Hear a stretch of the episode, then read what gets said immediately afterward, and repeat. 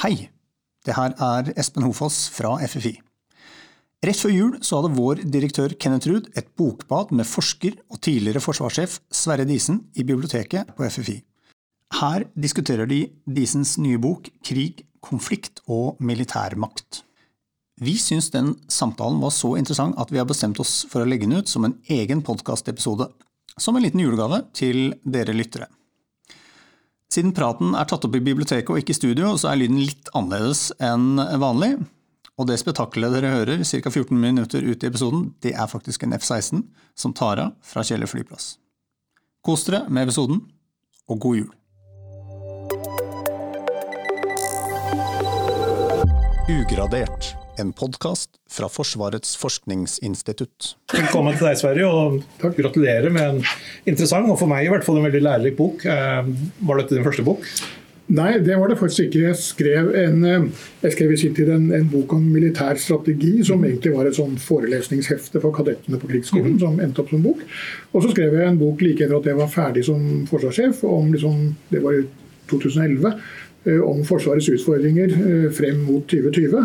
Og eh, det er nå, på tross at vi er forbi 2020, så er det fortsatt en del av Forsvarets utfordringer. Mm, Ok, ja. Eh, Hva var det som motiverte deg til å skrive denne boken? da? Det var egentlig forlaget som spurte. For eh, forlag er jo som vi vet er en blanding av børs og katedral. Og i dette tilfellet så var det vel børsinstinktet. fordi de, Dette var i april i fjor. Og da mente de altså at krigen i Ukraina hadde skapt en, en større interesse da, hos et større publikum for å forstå mer av dette med krig og konflikt i, i vår tid.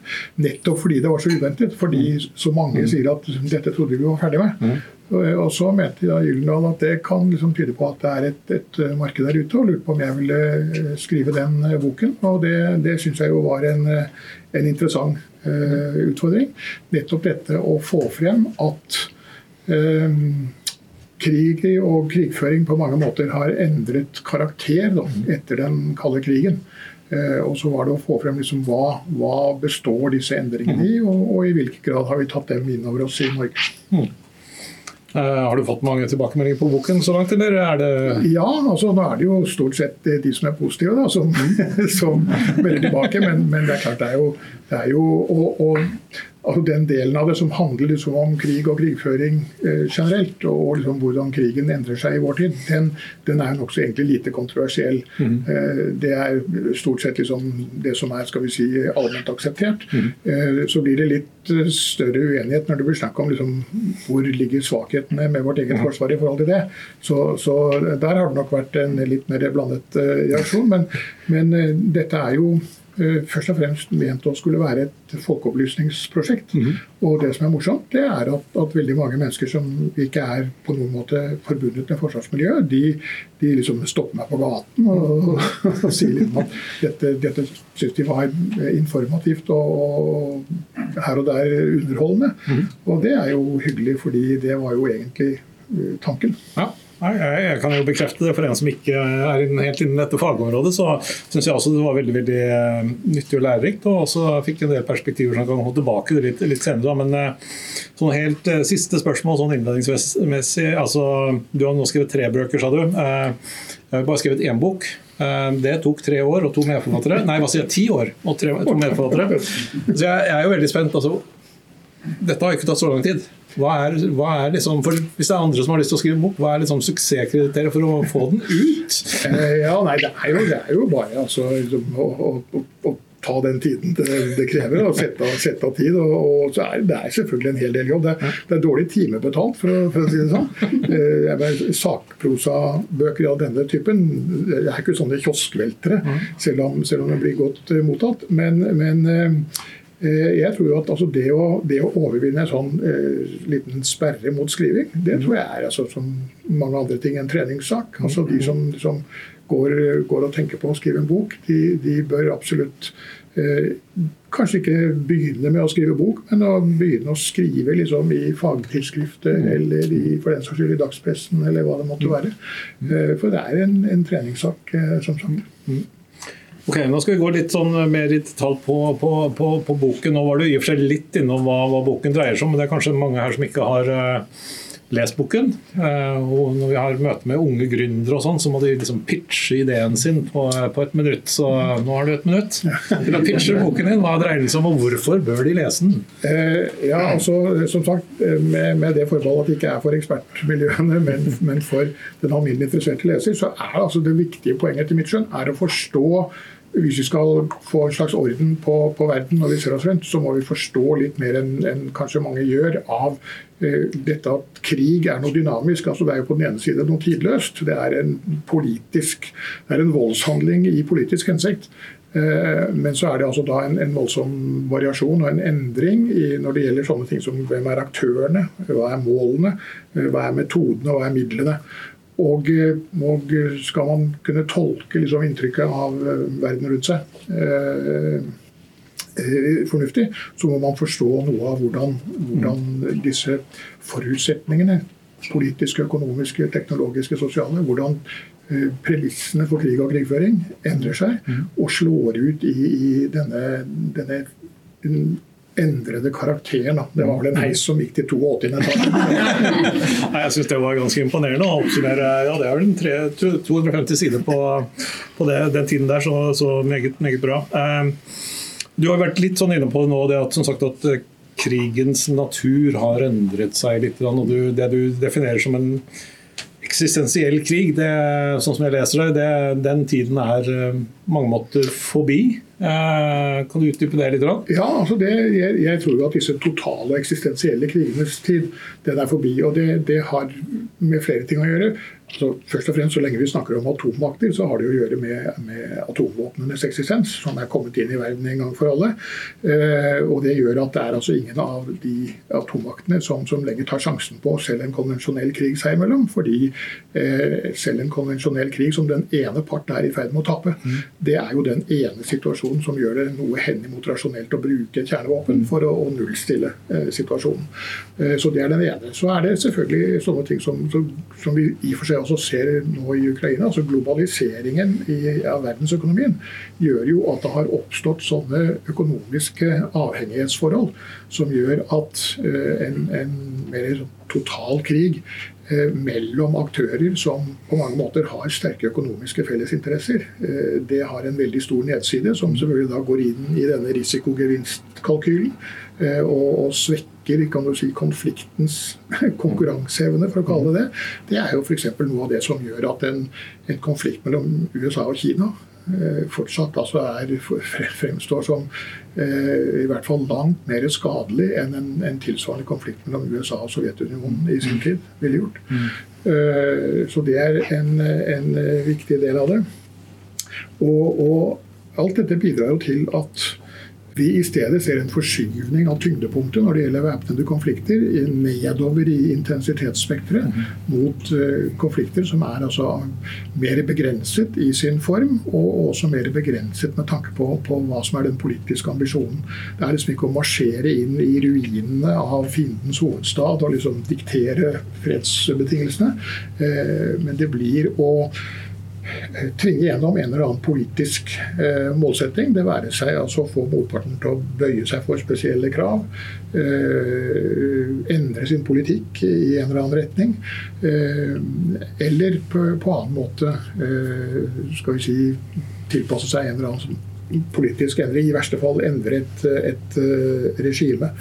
Eh, og Det er det som gjør at jeg tror vi må Altså Definisjonen på hva det vil si å vinne en krig, eh, kan ikke på samme måte som den er i, i, en, i, i mer sånn alminnelig folkelig forståelse, knyttes til det militære resultat. Mm. At du har liksom vunnet på slagmarken. Eh, eh, begrepet å vinne en krig må knyttes til det politiske mm. resultat, og ikke til det, til det militære. Mm. Jeg kan komme litt tilbake til det litt senere. Men ut fra det du pekte med, med globaliseringen, jeg tenkte vel også inntil høsten 2021 at eh, ja, de store krigenes tid var forbi fordi økonomien det var så sammenvevd. Men, eh, men, eh, og definitivt at den tradisjonelle krigen, da, at dens tid var over. Men, men samtidig, vi ser Ukraina.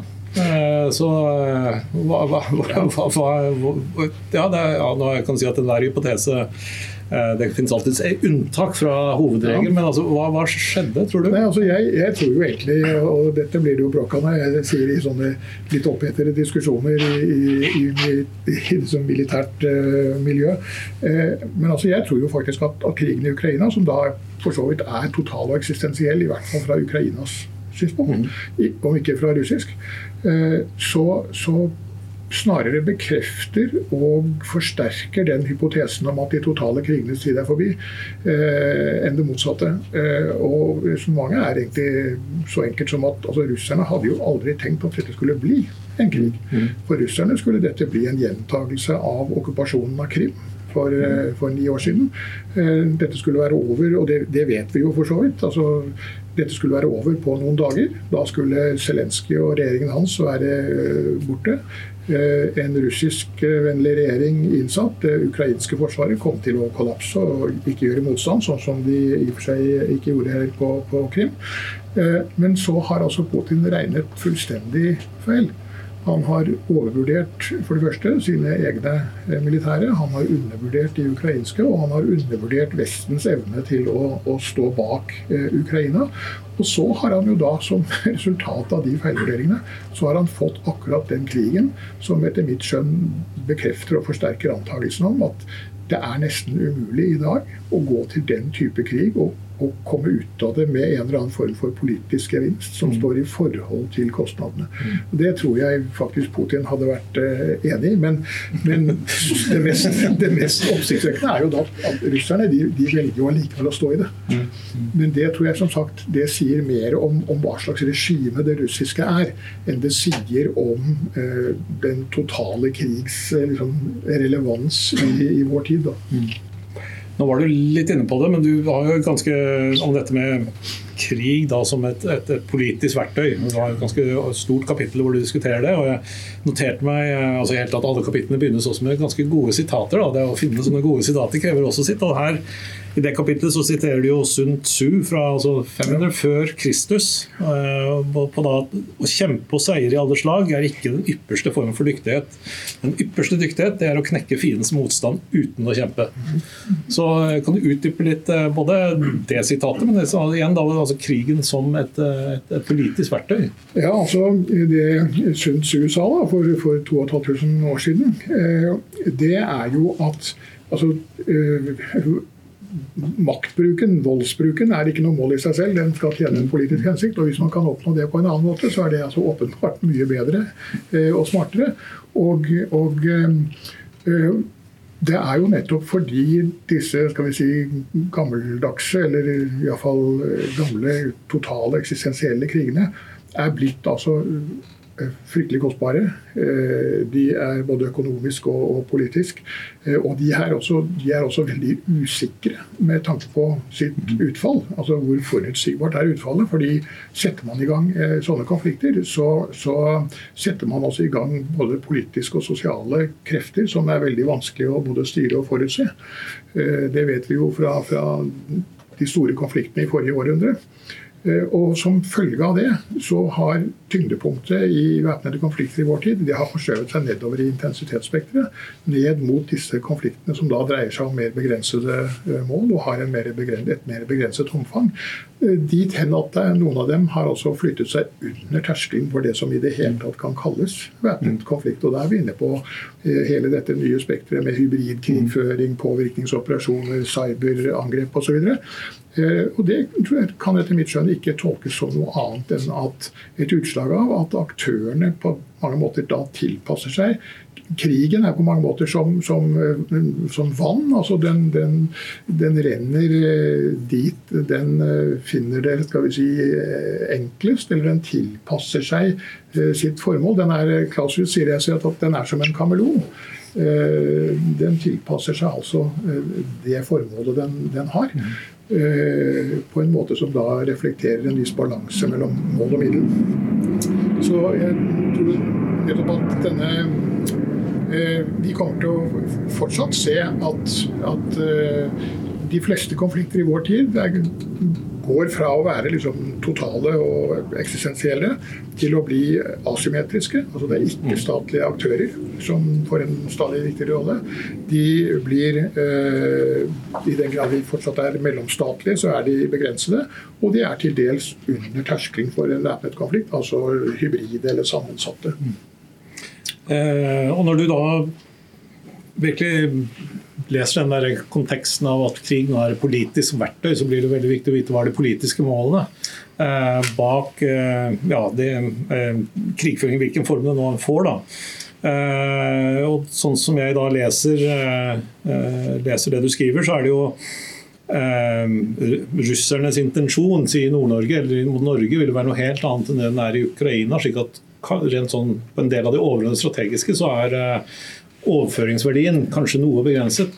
Eh, selv om det sikkert vil lære mye selvfølgelig om det rent sånn hvordan det fungerer. og sånt, men, eh, men er, hvor stor er overføringsverdien til dette? Altså det er, det er, der er du inne på noe som er veldig viktig. og, og Etter mitt skjønn så er det, det er veldig typisk at vi da opplever at Eh, og har liksom nå helt siden denne krigen brøt ut, så, så har vi sett liksom forskjellige mennesker som liksom har eh, rakt opp hånden og sagt at ja, der ser man. Eh, som krigen i Ukraina viser, må vi nå satse på liksom det og det, for det blir veldig viktig. Droner eller hva det måtte være. Eh, og så har det etter mitt skjønn er ganske betydelig sammenfall mellom den konklusjonen de trekker på grunnlag av krigen i Ukraina og det de har ment hele tiden. Men, men eh, mitt poeng er jo egentlig at altså, krig er et mye mer mangfoldig fenomen fenomen enn en, eh, at man kan ta liksom enhver erfaring fra enhver krig er slavisk overførbar til enhver annen krig. altså Sånn er det ikke.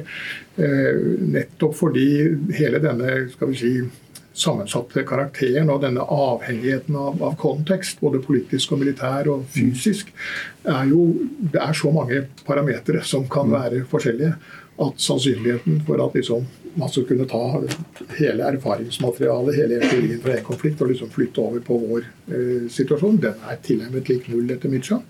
Um, og, og, da blir det, som du var inne på, da blir det altså i mer begrenset forstand eh, mulig å hente ut eh, spesielle ting, hvor, hvor, ikke bare liksom det som skjer, eh, i og for seg kunne skjedd her, men altså premissene for at det skjedde i Ukraina, må jo også være eh, det samme for at konklusjonen skal være overførbar. Og den jobben å liksom finne de sammenhengene, det er jo absolutt ikke for uh, hvem som helst. Det er altså rett og slett for et, et disiplinert analysemiljø som kan studere dette og, og, få klarhet ikke bare i hva som skjedde, men hvorfor skjedde det. Uh, F.eks. Så, så ser man liksom lange rekker av ødelagte stridsvogner. Ehm, og eh, da er det mange som har tilbøyelig til å tillegge meg en, oppfatning av ja, det er jo gledelig, for det betyr at stridsvognen er utsatt igjen. Men det gjør jo ikke det. Det gjør, det gjør, det absolutt ikke. Før man eventuelt vet at ja, hvorfor står det så mange ødelagte stridsvogner? Er det fordi liksom, dens tid er ute, eller er det fordi de brukes galt. Altså, de brukes på en, en, dårlig måte. Taktikken er feil, altså doktrinen er feil, eh, utdanningen er for dårlig osv. Så, så, så det er liksom Det å, det å, å trekke de riktige slutningene av akkurat det, disse tingene, er jo altså svært svært viktig. Fordi man selvfølgelig kan komme til å, å gjøre noen forferdelig gale både investeringer og andre ting. Mm. Jeg kan bare litt dypere i det. Jeg har jo bodd eh, ja, mer enn 20 år i Nord-Norge. Eh, jeg må vel være ærlig på å si at det er ikke lett å finne støttespillere til eh, en del av dine syn om forsvaret av Finnmark. Og så, altså, så, opplever jeg tidvis også at debatten kanskje er litt Det går ikke inn i hva som egentlig er kjernen. altså hva er den grunnforutsetningen de ulike aktørene har for å konkludere det de gjør. Og jeg har, liksom, jeg har i hvert fall fått med meg, sånn som jeg opplever det, og sånn som jeg også ser fra boken, din argumentasjon med at ikke, vi kan alltids ha, en, ha, et ønske om et forsvar, men hvis økonomien ikke svarte det, la oss nå heller prøve å få det beste ut av det innenfor de rammene vi har. Men i forhold til Nord-Norge så var det jo også en del andre sånne taktiske grunner, som militærtaktiske og militærstrategiske ting som, som, som, eh, som, jeg ikke var kjent med, som jeg tenkte kunne vært interessant også å utdype litt. Rann. Ja, altså, jeg, jeg, tror at veldig mye av den diskusjonen, og den, det, jeg husker det begynte da, da den såkalte landmaktutredningen ble lagt frem for ja, seks-syv år siden, så så husker jeg den, da var det en presentasjon hvor lederen da begynte med å, liksom, vise en sånn uh, figur, som, som, da var i og for en teoretisk modell av, av ulike operasjonskonsepter. Uh, hvor man avhengig av hvordan man prioriterer funksjoner som skjerme, slå, uh, manøvrere osv., så, så kommer man ut med ulike operasjonskonsepter. Og så trakk man da en slutning at liksom, fordi dette konseptet er best, så, så liksom, bør vi gå for det. Eh, og Det er da liksom det, det i og for seg tradisjonelle eh, operasjonskonseptet, som, som for Hærens del bygger på liksom en mekanisert brigade og alt det der. Men altså mitt, mitt poeng er jo at eh, dette med mål, metode og middel, eh, det det dreier seg altså om å finne en løsning som, som ikke bare liksom maksimerer et eller annet ønske om å vinne taktisk på mm. slagmarken. Eh, du må tilfredsstille tre ting. Altså For det første, det du taktiske seire er ingenting verdt i seg selv hvis det ikke bidrar til eh, strategiske, den strategiske målsettingen. Og hva er den strategiske målsettingen for vårt forsvar? Vårt forsvars forretningsidé er å utløse alliansens artikkel 5. Eh, og vårt forsvars avskrekkende effekt hviler helt og holdent på om russerne tror at vi vil greie å involvere våre allierte og amerikanerne. Det er liksom ikke om vi greier å holde Tana bro til tirsdag eller torsdag, men det er hvorvidt russerne faktisk tror at dette kommer til å bli eh, dette, Her kommer Nato inn i bildet. Eh, med andre ord, vi må kunne lage den situasjonen som er slik at det som fremstår, er en situasjon hvor, hvor alliansen er nødt til å, å, gripe inn. Eller så har den på sett og vis ingen troverdighet. Uh, og så er spørsmålet hvordan ser den situasjonen ut? Og den er verken logisk eller empirisk avhengig av at vi holder et eller annet territorium. Altså, det må åpenbart da smelle i Finnmark, det må pågå en krig der. Uh, men spørsmålet er kan vi altså skape en, en situasjon som er tilstrekkelig udiskutabelt en krig, mm uten derfor å prøve å, å så å si holde på så så mye geografi. Eh, og Det er jo det som da utløser selvfølgelig veldig debatt. Mm. Fordi, eh, ikke minst i politikken, altså forestillingene om forsvar er veldig nært knyttet til det territorielle. Det er veldig mange som oppfatter at forsvar i strategisk og politisk forstand forutsetter forsvarsstrid i taktisk forstand for å holde territorium, men det er altså ingen egentlig logisk forutsetning at det gjør. Så det er som punkt én. Eh, det konseptet vi har, det må altså være logisk i forhold til den strategiske målsettingen. Det andre poenget er jo at det skal være helt uavhengig av, av strategisk forutsetning og mål. Så må det være gjennomførbart. Det må være fysisk mulig å gjøre det. Eh, hva enten det er rasjonelt eller ei. Og Det er jo også problemet man har med dette konseptet, som du også var innom. Altså, da kommer det praktisk-økonomiske. Ja, det er mulig å gjøre det på den måten. Eh, men, men altså, forholdet mellom liksom tid, rom og tilgjengelige styrker, som er de fysiske parameterne her, de tillater altså ikke å gjøre det. Eh, da hadde vi måttet ha antagelig et sted eh, mellom to og tre ganger så store styrker som vi har. Og det er for så vidt ikke min vurdering, det var jo den vurderingen som ble gjort da, da instituttet spilte inn til nåværende langtidsplan. Og da er vi liksom tilbake til det siste, nemlig middelet. Altså, det skal være strategisk logisk, det skal være eh, fysisk gjennomførbart, og det skal kunne gjøres innenfor rammen av den forhåndværende økonomi. Eh, og da tror jeg at altså det, det, kan vi da få til med dette eh, konseptet, som ikke baserer seg på å holde territorium, men på å kunne påføre motparten tap. Mm. uten å prøve å holde noe som helst, for så vidt.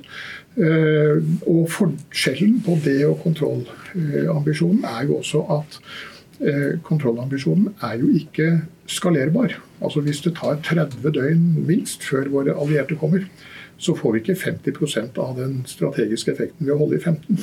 Vi får null. Så det er binært. Eh, mens et konsept basert på tapspåføring, det er for så vidt skalerbart. Eh, det har effekt fra, fra altså, granat nummer én. Mm. Eh, og så er jo selvfølgelig spørsmålet hvor mye er nok. Og Jeg sier ikke at det er ukomplisert, men det er altså, tror jeg, det eneste som er realistisk. Og det er, det er tilstrekkelig. Eh, et av de sitatene som vel hang med deg gjennom hele din tid som forsvarssjef, eh, var vel fra det første intervjuet med at det, det finnes et forsvar for ethvert budsjett. Ja. Eh, vil du utdype det? Ja, og det, jo, det, det ble jo forferdelig mye bråk av det. Altså, og Det syns jeg egentlig var litt morsomt, for det var for så vidt hensikten. Det som ikke var like morsomt, var jo alle feilsiteringene. For det ble jo gjengitt som jeg hadde sagt at ethvert budsjett er stort nok. Uh, og det er jo egentlig noe annet. Uh, men det jeg sa, altså hvis, hvis, uh, hvis våre politikere mener at et forsvar til 20 milliarder er tilstrekkelig, så skal jeg kunne fortelle dem hvordan de bør bruke 20 milliarder. Mm. Men jeg kan ikke liksom si som fagmann at det er for lite. Altså det, er noen, det, finnes ikke en fagmilitær definisjon av et tilstrekkelig forsvar. Det er altså like meningsløst som å si at det finnes en medisinsk definisjon på et tilstrekkelig helsevesen. Eh, og Forsvarets oppgaver er jo ikke definert sånn at man kan si at enten så løser vi oppgaven, eller så greier vi det ikke. Altså Forsvar dreier seg om en sånn trinnløs reduksjon av sannsynligheten for at vi skal bli angrepet. Eh, og, og eh, der vi antar da, at, at, den sannsynligheten blir mindre og mindre jo, jo, bedre og sterkere Forsvaret er. Hvor liten den skal bli før vi sier at nei, nå tror jeg vi vil bruke neste milliard til noe annet enn forsvar, det er jo kan jo umulig være en militær vurdering. Det må være en politisk. Og, og forsvarssjefens problem er at så mange forventer at han både skal være liksom embetsmann i det ene øyeblikket og rådgiver, og i det neste så skal han være fanebærer og ildsjel for forsvarssaken som en ideell sak. Og det kan han altså ikke være. Han kan ikke være begge deler. Prøver han å være ildsjel, vel så taper han troverdighet som, som fagmann. Da sier statsråden at ja, fint det, general, men altså, hvem snakker jeg med nå?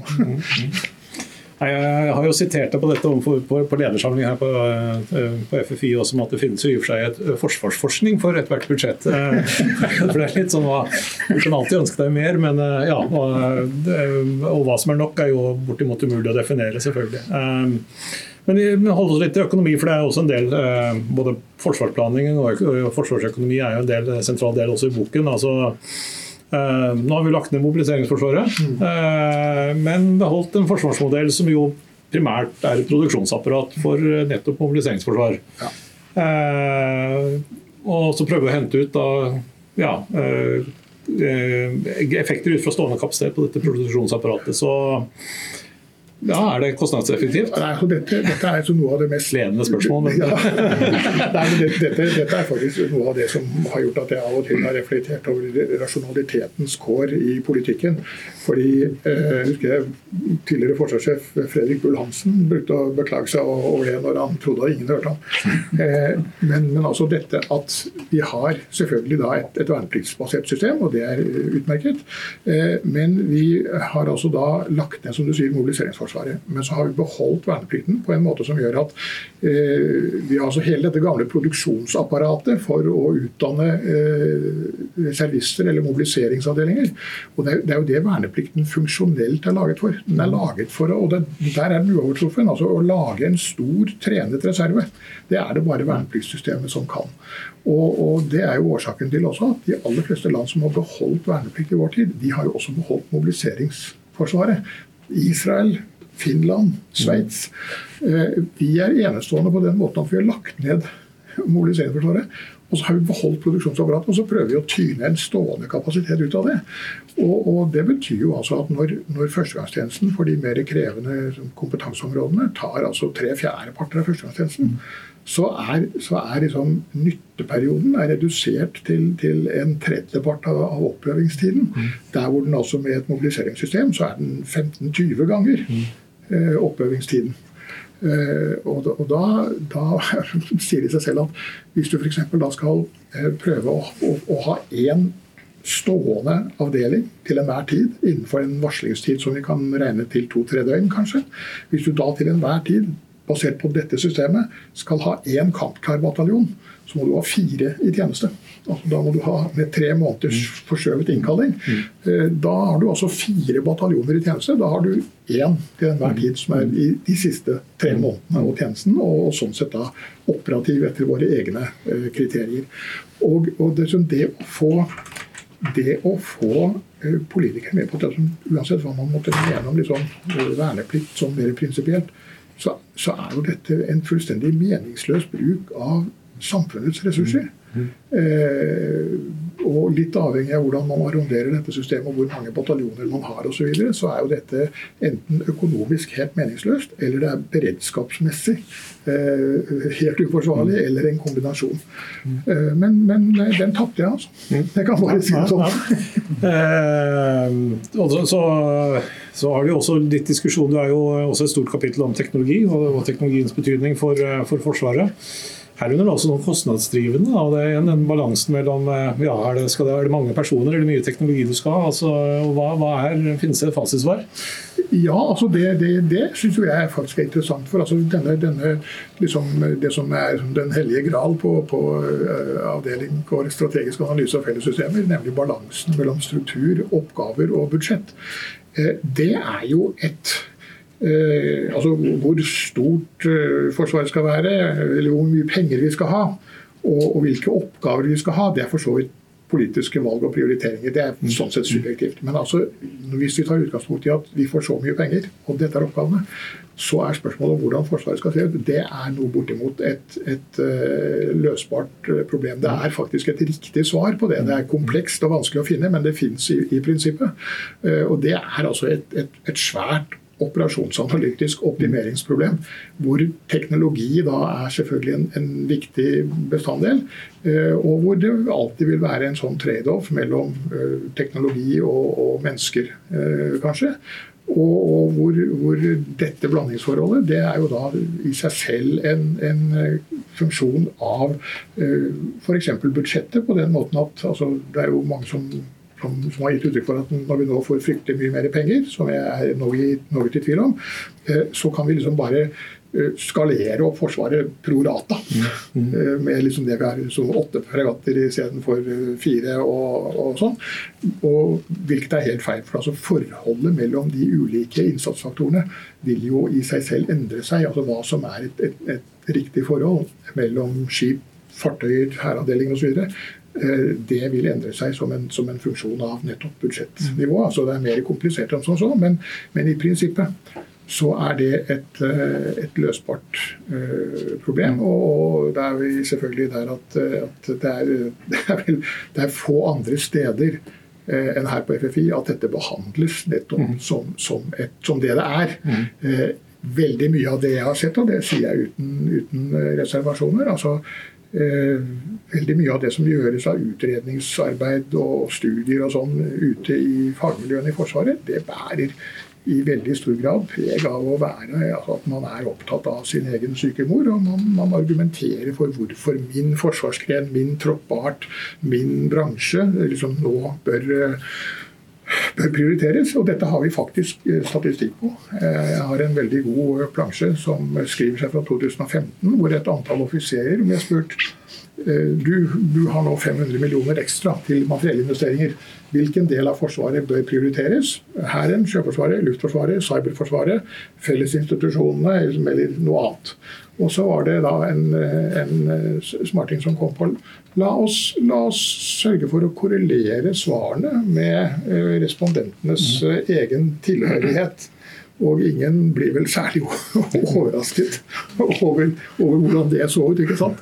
Eh, og, og, nettopp derfor så tror jeg det er altså veldig viktig at det er et fagmiljø som behandler dette, som, som gjør det på en, en disiplinert og vitenskapelig metodisk forsvarlig måte, uten å skjele til hvordan kommer dette til å treffe meg. Mm. Uh, du går jo uh, altså veldig rosende omtale av fagmiljøet med FFI-boken, så det kan altså absolutt anbefale for, for alle å få litt god selvlevelse. Og du går jo veldig langt til å si at, eh, at forsvarsoppdraget i hvert fall ikke skal gjøres av generaler og admiraler. Men da må jeg få lov til å spørre, mente du det også når du var forsvarssjef, eller er det noe du har lært etter at du kom hit? Det kan jeg si med hånden på hjertet, at, at, det gjorde jeg faktisk. Okay, ja. Så vi må ikke sende forsvarssjefen inn på hospitering før Nei, altså, det, det, er interessant at du spør om, fordi jeg, jeg ble beordret første gang hit uh, som kaptein i 1987. Mm. Og da styrte Ragnvald Solstrand eh, det som den gang het Systemgruppen, nærmest. Ja, og litt sånn forskjellig ordbruk. Men, men, altså Jeg hadde vel ikke vært her i mer enn 14 dager før jeg begynte å forstå at her ble forsvarsproblemene behandlet på en, en måte som, som, som jeg som sivilingeniør fant betydelig mer betryggende og tiltalende enn, enn det jeg var vant til. For det jeg var vant til, var jo nettopp dette bikkjeslagsmålet om liksom, hvorfor skal min eh, sektor nå liksom, prioriteres. Eh, og, og, det var altså en, det var, var en, rett og slett en aha-opplevelse å sitte her oppe på prosjektråd ikke sant? og, og oppfatte at, at uh, han uh, unge forsker Espen Kielland, som akkurat er ankommet fra universitetet, han har faktisk altså gjennomskuet mer av forsvarsproblemene på øverste nivå. Og deres liksom, hva, hva er liksom problemets egentlige natur her og karakter, og liksom, hvordan skal vi tenke rundt disse problemene. Det hadde han altså skjønt mer av enn folk som hadde sittet i, og jobbet i Forsvaret en mannsalder. Og det, det har, liksom, så har jeg vært beordret her en, en, en gang eh, til, i 91 var det vel, i et år. Um, og så, så, når noen som har lest boken sier at liksom, ja, ja, ja, du, liksom, du, heier på FFI, for du, du jobber jo der sjøl, uh, så har jeg sagt at nei, det er omvendt. Jeg jobber der fordi jeg fant ut på et tidlig tidspunkt at det er der, det er der forsvarsproblemene håndteres på en, på en måte som, som jeg syns er, er, uh, tillitvekkende. Ja, jeg tror vi skal eh, runde av der. Jeg, altså, jeg får ikke royalty, så dette, så dette sagt, men altså, jeg kan anbefale boken. Jeg deler sånne bøker inn i de jeg klarer liksom, de, jeg ikke, ikke, klarer å legge den bort i løpet av helgen, og dette var en av disse. Jeg har en annen jeg sliter med litt nå, så det, det, det, det er, er, ikke noe jeg alltid sier. Men uh, veldig interessant, veldig lærerikt. Uh, så tusen takk for en veldig hyggelig samtale. Og, ja. Selv takk.